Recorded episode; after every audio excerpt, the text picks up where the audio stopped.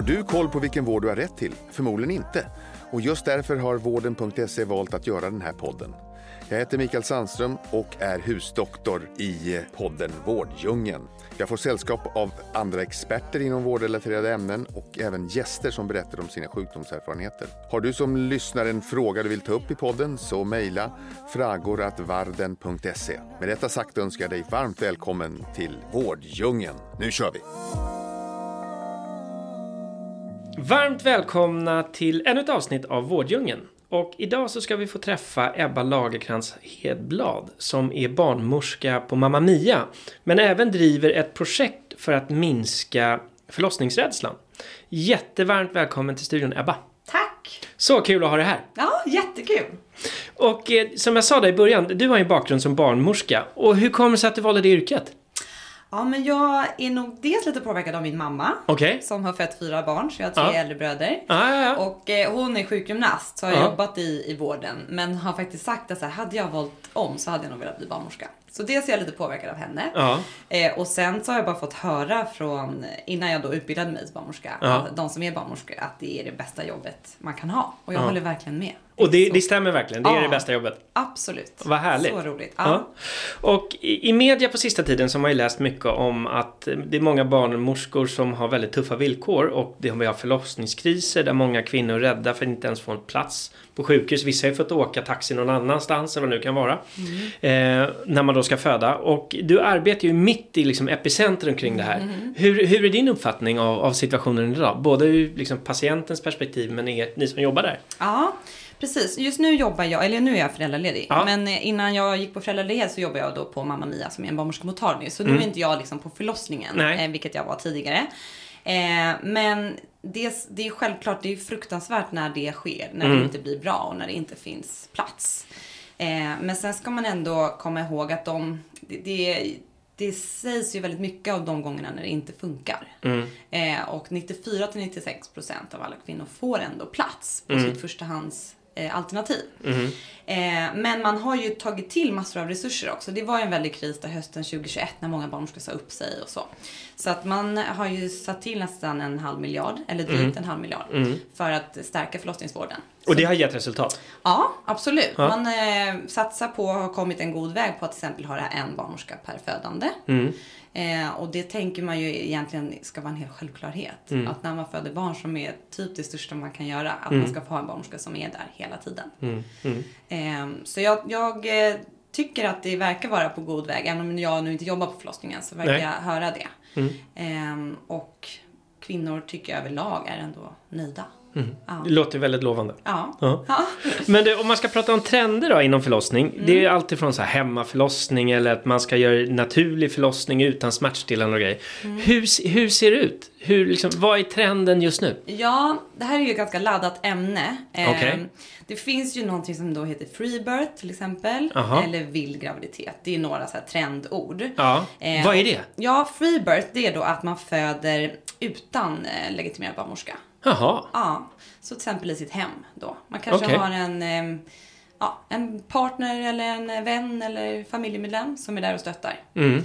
Eh, och gör allting helt själv? Ja, Oj. Och eh, det är ju såklart eh, lite förenat med risker, kan Ja. ju jag då tycka som är barnmorska. Ja. Just för att man liksom inte har någon där som är utbildad och kan identifiera och se om det är så att man måste till exempel ta sig till ett sjukhus. Mm. Det är ju stor skillnad då på alltså, att föda så utan barnmorska men att, mot att föda i hemmet med en legitimerad barnmorska. För det sker ju. Mm. Eh, men då har man ju en barnmorska där som är utbildad och som följer förlossningen och ser då om det skulle vara så att nu tycker jag vi behöver åka till ett sjukhus. Mm.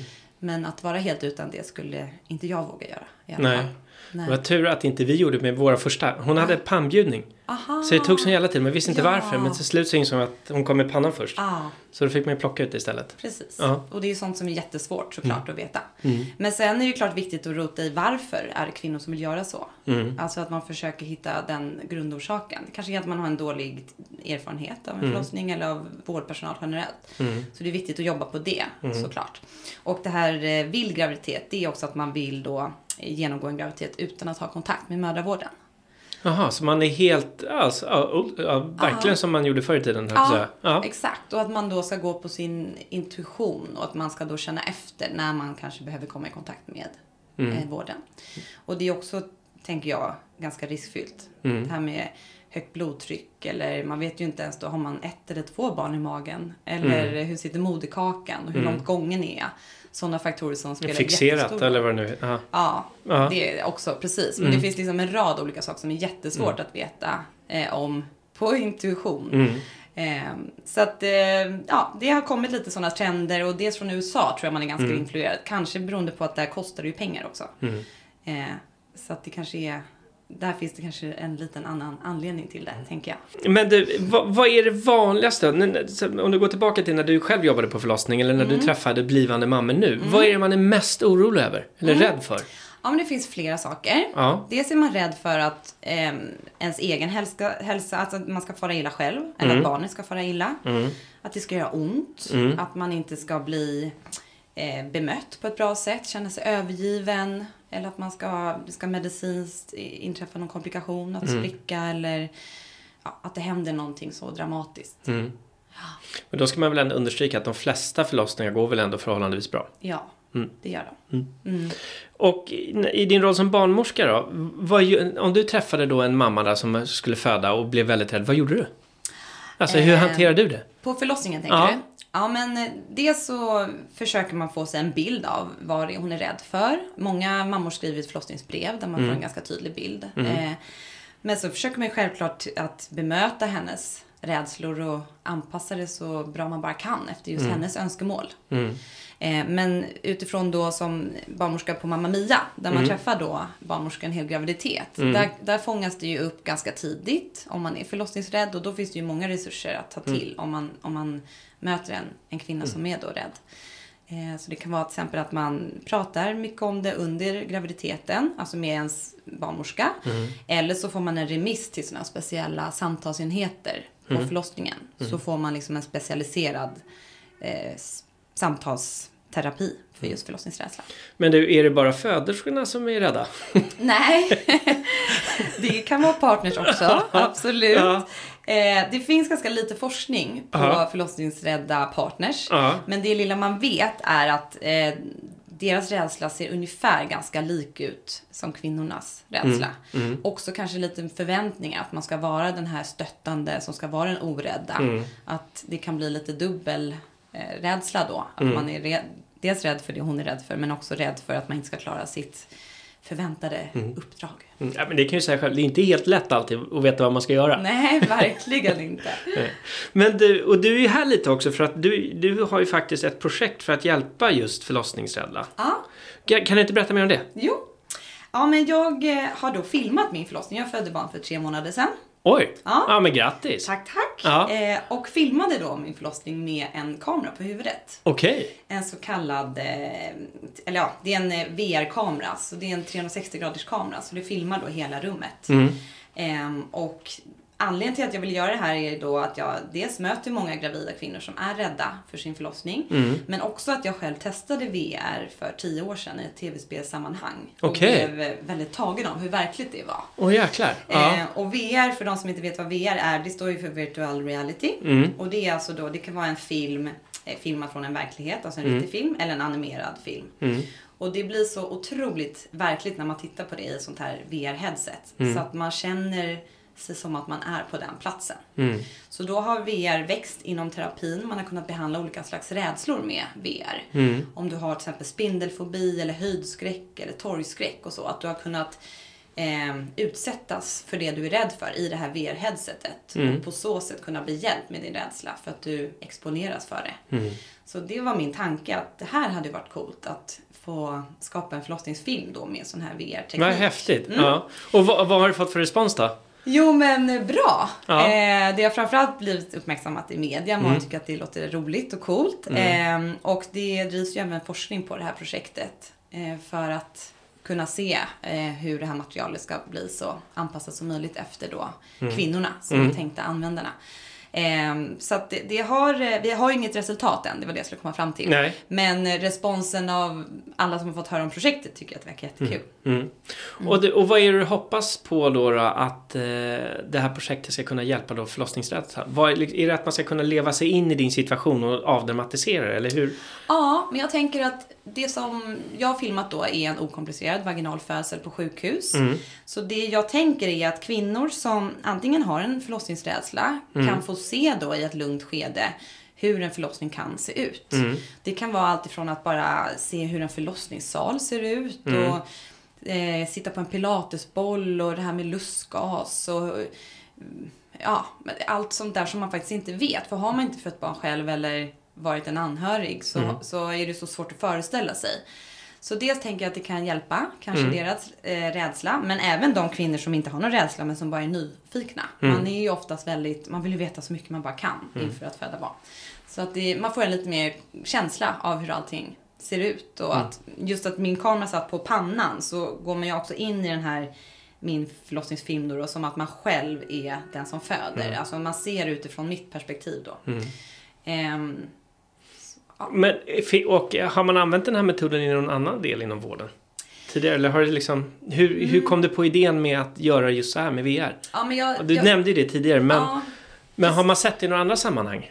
Nej, vi har försökt att titta upp det här. Vad, vad jag ser så finns inte det här någonstans i världen. Nej. Ehm, alltså att man har filmat en förlossning. Mm. Ehm, men man har ju kunnat, eh, vet jag, göra filmer där man för att träna på till exempel akuta fall Mm. och, och sådär. Ehm, och sen annars som sagt vet jag att det är att man kan behandla fobier med Mm. VR. Och när lanseras filmerna då? Ja, men vi håller på att redigera dem Ja. nu, så förhoppningsvis är de klara till hösten. Mm. Och hur kommer ni distribuera det här då? Ja, det vet jag inte riktigt än. Nej. Eh, Jag håller på att jobba på det nu.